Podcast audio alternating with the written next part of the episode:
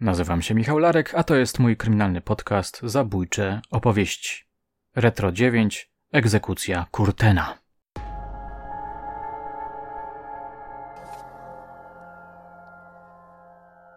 Zgodnie z zapowiedzią z drugiej części antologii o seryjniakach, wracam do tematu seryjnego zabójcy z przedwojennych lat Petera Kurtena.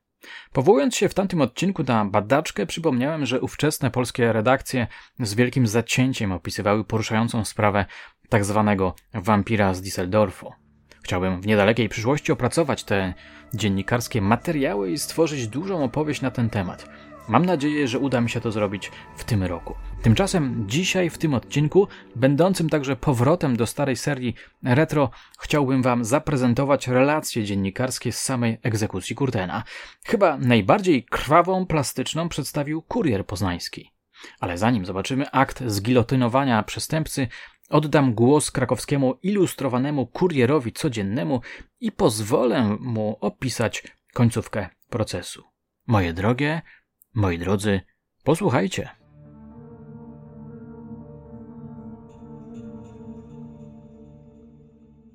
Ilustrowany kurier codzienny, słynna i chyba najpotężniejsza gazeta w latach 30., bardzo dokładnie relacjonowała proces Petera Kurtena. W numerze opublikowanym 24 kwietnia pojawił się artykuł zatytułowany Wampir z Düsseldorfu, skazany na karę śmierci. Przeczytam wam fragment, który jest zatytułowany Ostatnie słowo Piotra Kurtena. Po zakończeniu przemówienia obrońcy wstaje Kurten ze swego miejsca i wygłasza wśród niezwykłego naprężenia na sali nieprawdopodobne wprost przemówienie. Czyny, których dokonałem, mówi zbrodniarz, są tego rodzaju obrzydliwe i potworne i tak bardzo sam nimi pogardzam, że nie odważę się ich w jakiejkolwiek formie usprawiedliwić. Czyny, których dokonałem, mówi zbrodniarz, są tego rodzaju obrzydliwe i potworne i tak bardzo sam nimi pogardzam, że nie odważam się ich w jakiejkolwiek formie usprawiedliwić. Ale jednak nie jeden cierń pozostanie w moim sercu, jeśli pomyślę, że taki doktor Wolf w Stuttgardzie i pewna lekarka czczeni są przez niektóre sfery naszego narodu jakkolwiek w przeszło 500 wypadkach zbroczyli swoje ręce krwią. Nie zamierzam oskarżać. Chcę tylko powiedzieć, co się dzieje w mojej duszy. Profesor Sciolli jest w błędzie, jeśli sądzi, że środowisko, z którego pochodzę, nie wywarło rozstrzygającego wpływu na mój rozwój duchowy. Mogę tylko ubolewać, że tak często i w tak rozmaity sposób pracuje się u nas nad rozbiciem rodziny. Myślę przede wszystkim o browarach i gorzelniach, o propagandzie bezbożności w dawnych i obecnych czasach. Z cichą tęsknotą patrzyłem nieraz w mojej młodości na życie innych szczęśliwych rodzin, życząc sobie, aby w mojej rodzinie tak wyglądało. Każdy człowiek posiada w swoim życiu dzień, który uważa za najpiękniejszy. Ja nie znałem takiego dnia. Do mordów przyznałem się wobec swej żony, kiedy nie mogłem już dłużej znieść tego stanu naprężenia. Żona postanowiła wtedy zwolnić ludzkość od takiego potwora. I jej to należy się wdzięczność, że proces ten mogliście doprowadzić do końca. Pod koniec chciałem jeszcze wspomnieć, że nie jedna ofiara ułatwiła mi moje zbrodnie, zgadzając się natychmiast w porze nocnej pójść z nieznanym mężczyzną do lasu. Tutaj wtrąca się przewodniczący i mówi: Niech pan nie kala pamięci swoich ofiar i w ten sposób nie burzy resztek sympatii do siebie, odpowiada Kurten. Ubolewam nad moimi ofiarami, ubolewam nad nieszczęśliwymi rodzinami. Proszę ich o przebaczenie i gotów jestem ponieść wszelkie konsekwencje moich czynów. Kara śmierci może zostać wykonana tylko raz jeden, ale proszę mi wierzyć, że duchowo przeżywałem ją już niejednokrotnie. Tutaj kończy się cytowanie Kurtena i pojawia się fragment zatytułowany Wyrok. Następnie Trybunał udaje się na naradę. Po półtora godzinnych obradach przewodniczący sądu, dyrektor sądu karnego Roze o godzinie 16.30 odczytuje następujący wyrok. Oskarżony Piotr Kurten skazany zostaje za zbrodnię morderstwa w dziewięciu wypadkach na dziewięciokrotną karę śmierci z powodu zbrodni zgwałcenia w dwóch wypadkach i zbrodni usiłowania morderstwa w ośmiu wypadkach, ciężkiego więzienia, dożywotnią utratę praw obywatelskich oraz oddanie pod nadzór policji konfiskatę narzędzi mordu, młotka i nożyczek. Kurten wysłuchuje wyrok, stojąc, zachowując zupełny spokój. Po wysłuchaniu motywów wyroku opierających się głównie na orzeczeniach rzeczoznawców, obrońca dr Wenner oświadcza. Wyrok nie stanowi niespodzianki ani dla mnie, ani dla oskarżonego. Rozważaliśmy już poprzednio możliwości środków prawnych przeciw temu wyrokowi i doszliśmy do wniosku, że należy z tych środków zrezygnować i wyrok przyjąć.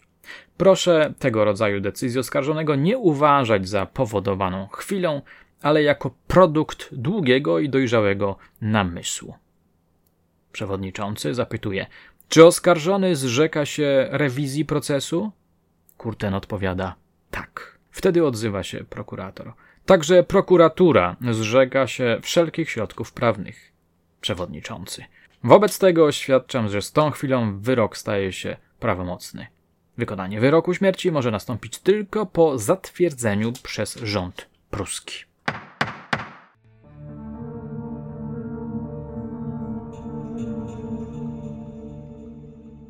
Głowa wampira z Düsseldorfu.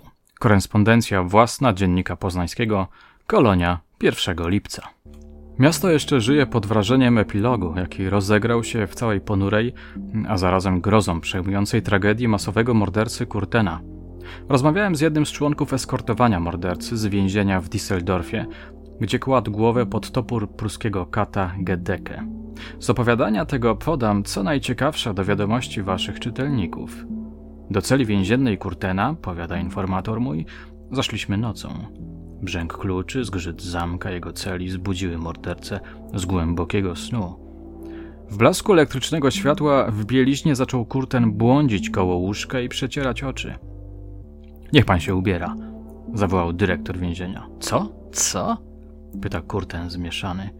Nie wiem, jakie myśli powstały w jego głowie, nie wiem, co przypuszczał dość, że zachwiał się na nogach i usiadł na łóżku. Niech pan ubiera się, będzie pan przewieziony do kolonii. To dodało mordercy widocznie otuchy. Wiedział przynajmniej tyle, że nie wyprowadzają go na ścięcie, że sprawa zgładzenia go odroczy się jeszcze, jeżeli nie o lata całe, to przynajmniej o tygodnie. Ubieranie nie zajęło mu zbyt dużo czasu. Spodnie były ułożone na krześle tak, aby zachowana była fałda. Marynarka wisiała na wieszaku na ścianie, kołnierzyk, krawat, wszystko w porządku. Najwięcej czasu zajmowało Kurtenowi zawiązanie krawatu. Ile to staranności, ile trudu, żeby węzeł nie był za mały czy za wielki, aby był w środku. Do dworca pojechaliśmy samochodem więziennym. W pociągu zdążającym do kolonii był zarezerwowany osobny przedział. Kurten zasiadł w środku. Nas, kilku eskortujących go, rozstawiono w korytarzu. Dwóch dozorców ubranych po cywilnemu zajęło miejsce obok Kurtena. Początkowo był zbrodniarz bardzo milczący, później rozgadał się na dobre. Interesował się przede wszystkim przyczyną translokacji i wyrażał przypuszczenie, że najprawdopodobniej obrońca jego uzyskał w Berlinie po tak długich staraniach zamianę kary śmierci na dożywotnie więzienie.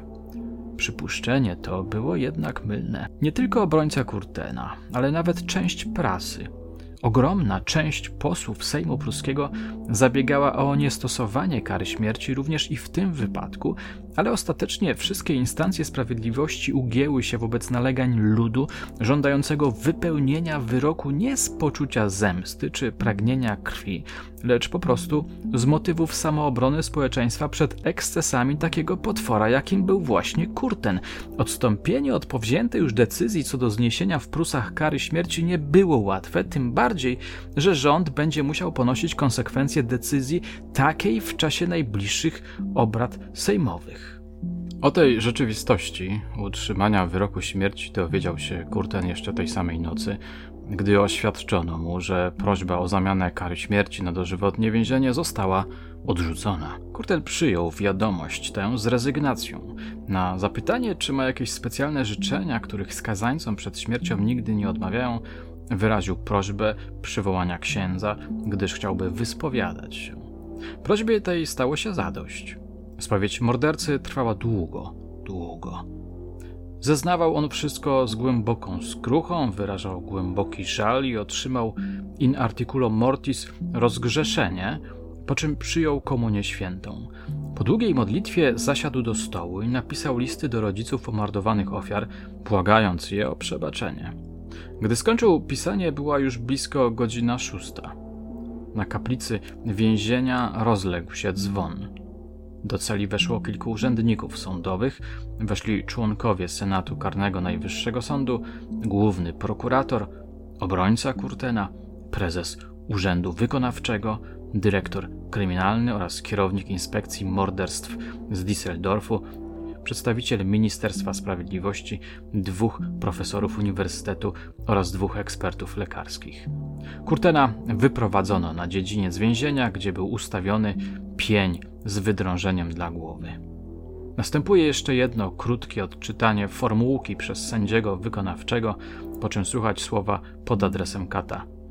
Niechaj teraz pan spełni swe urzędowanie. W tej chwili podchodzi do Kurtena we fraku i cylindrze w białych rękawiczkach Kat Gedeke z Magdeburga. Chwyta Kurtena pod ramię i prowadzi go do pnia.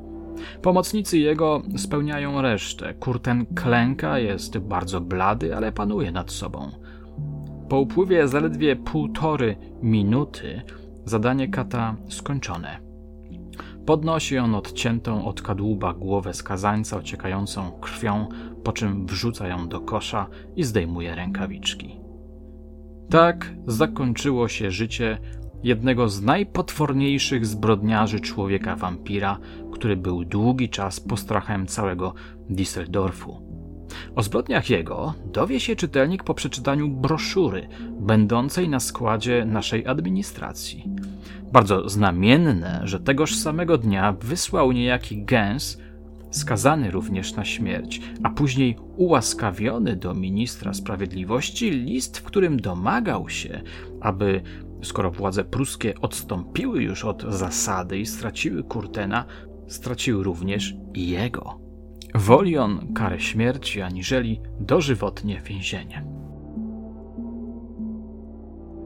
Pałczanin w numerze z dnia 5 lipca 1931 roku na pierwszej stronie zamieścił artykuł zatytułowany Wampir Düsseldorfski zginął na szafocie. Ostatnia noc potwornego zbrodniarza. Ten artykulik jest o wiele krótszy, ale też warty przypomnienia. Berlin, 3 lipca. Wczoraj o godzinie 6 rano potworny wampir düsseldorfski Piotr Kurten oddał głowę pod gilotynę. Egzekucji dokonał w kolonii Kad z Magdeburga Gedeke. Zbrodniarza zawiadomiono o zamiarze wykonania wyroku w środę o godzinie 6 wieczorem, a więc w przepisanym 12-godzinnym terminie. Następnie przewieziono Kurtena z więzienia w Düsseldorfie do kolonii. Wampir, który w ostatnim czasie owładnięty był szalonym strachem przed śmiercią, przyjął wiadomość o bliskim straceniu stosunkowo spokojnie.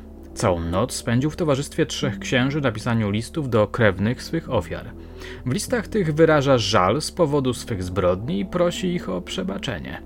O godzinie szóstej wstąpił zbrodniarz na rusztowanie gilotyny i został ścięty. Humanitarny rodzaj śmierci, jaki poniósł Kurten, zawdzięcza on kodeksowi Napoleona, który obowiązuje na obszarze Nadrenii. W pozostałych częściach Niemiec stracenie odbywa się w średniowieczny sposób przez ścięcie toporem. Ciekawą relację znajdziemy także na łamach Dnia Pomorskiego. Artykuł został zatytułowany Upiór z Düsseldorfu na gilotynie ostatni akt ponurych zbrodni. Upiór z Düsseldorfu Piotr Kurten został zgilotynowany w czwartek dnia 2 lipca w Kolonii. Na miejsce egzekucji wybrana została kolonia z tego względu, że jedynie tamtejsze więzienie posiada podwórze wysoko zabudowane, gdzie można było ustawić gilotynę nie na oczach żądnej sensacji publiczności. Kurten, który znajdował się dotąd w więzieniu w Derendorf, został przewieziony potajemnie do kolonii. Bez kajdanów na szubienicę. Do auta wsiadł Kurten, nie mając na sobie kajdanów. Towarzyszyło mu czterech kryminalnych komisarzy. Skazańcowi oświadczono, że przewozi się go do innego więzienia ze względów technicznych. Około godziny czwartej po południu auto zajechało przed więzienie w kolonii. Kurten został umieszczony w celi śmiertelnej, przeznaczonej dla skazanych na śmierć. Cela ta znajduje się w pobliżu kaplicy i miejsca egzekucji. Ostatnia kolacja Kurtena. Około godziny piątej odczytano Kurtenowi wyrok śmierci. Skazany wysłuchał go spokojnie i wyraził prośbę o sprowadzenie do niego księdza Albrechta z Düsseldorfu. A tymczasem na podwórzu więziennym przeprowadzono jeszcze ostatnią próbę ze straszliwą gilotyną. Gilotyna ma 5 metrów wysokości, ostrze śmiercionośne, ze straszliwą siłą spada. Mechanizm działa sprawnie i sprawiedliwości stanie się zadość. Kurten spożył kolację spokojnie i zaczął pisać błagalne listy do rodzin swych ofiar, prosząc o przebaczenie. Całą noc nie spał. Im dalej posuwały się nieubłagane wskazówki zegara, tem stawał się bardziej milczący i załamany. O 4.30 rano zjawił się w jego celi obrońca. Kurten ożywił się. Podszedł ku niemu i głosem przerywanymi łzami rzekł: Dziękuję za wszystko, co pan dla mnie uczynił w oczekiwaniu na krwawe widowisko. Tymczasem rozedniało zupełnie. Wieść o egzekucji rozeszła się szeroko mimo ścisłej tajemnicy i zgromadziła się gawieć żądna sadystycznych sensacji. W celach więźniów zapanowało poruszenie. Wiadomość o pobycie Kurtena zelektryzowała ich i znakami przez okna dali znać mieszkańcom sąsiednich domów. Więzienie jest w centrum miasta, o krwawym widowisku, które aż się gotowało na tragiczny czwartek. Więźniowie, nie mogąc się wychylać przez zakratowane okna, zmobilizowali lusterka, aby za ich pomocą przyglądać się ponurej scenie. Policja musiała ostrymi środkami zabezpieczyć więzienie od widzów. Przedstawicielom prasy wstęp został surowo wzbroniony. Spowiedź Kurtena. Kurten spędzał noc pod opieką trzech księży. Około godziny piątej rano nastąpiła przejmująca chwila spowiedzi i komunii świętej. Kurten zachowywał się w ostatnich chwilach życia niezmiernie spokojnie. Widać było, że ogarnięty jest gorącą skruchą i uważa swą śmierć za pokutę, za straszliwe zbrodnie. Kilka minut brakuje do godziny szóstej. Na podwórzu więziennym zgromadziło się około 30 osób w urzędowym stroju i cylindrach na głowie. Pod szubienicą. Śmiertelna cisza. Posępna gilotyna pławi się w słonecznych promieniach, a naprzeciw niej wznosi się ołtarz. Punkt o godzinie szóstej zaczyna dźwięczeć dzwoneczek grzeszników. Przy gilotynie stoi już kat we fraku. Atmosfera jest wprost straszna. Wszystkie oczy skierowane są ku drzwiom gmachu więziennego. O godzinie szóstej minut dwie wychodzi z nich Piotr Kurten w otoczeniu księży i swego obrońcy. Twarz jest śmiertelnie blada. Cała postać drży. Ręce skrępowane na plecach. Przed ołtarzem zatrzymuje się orszak posępny i kurten na krótką chwilę zatapia się w modlitwie. Potem odczytany mu zostaje wyrok sądu pruskiego uchylający ułaskawienie. Ostatnie chwile. Bez sprzeciwu daje się zaprowadzić na wzniesienie i staje na śmiertelnym rusztowaniu. Jedna chwila. Zwłoki Kurtena złożono w trumnę, Ostatni akt tragedii został rozegrany. Sprawiedliwości ludzkiej stało się zadość.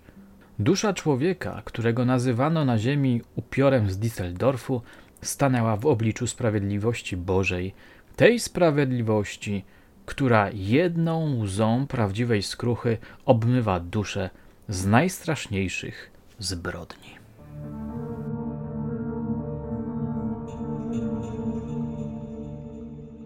Być może pamiętacie, że w wizji piekła autorstwa Dantego potępione dusze stają przed obliczem Minosa, który analizuje ich grzechy i wyznacza im numer kręgu, do którego zostaną oddelegowani. Jestem bardzo ciekaw, jak wyglądałoby piekło wyobrażone przez współczesnego pisarza czy poetę. Jakie rodzaje występków zostałyby wyróżnione i w jaki sposób ukarane? Macie pomysły? Dajcie znać. Moje drogie, moi drodzy, na dzisiaj to wszystko. Jeśli spodobał się Wam odcinek, dajcie łapkę w górę, napiszcie komentarz, będzie mi bardzo miło. Na dzisiaj to wszystko. Do usłyszenia już niebawem.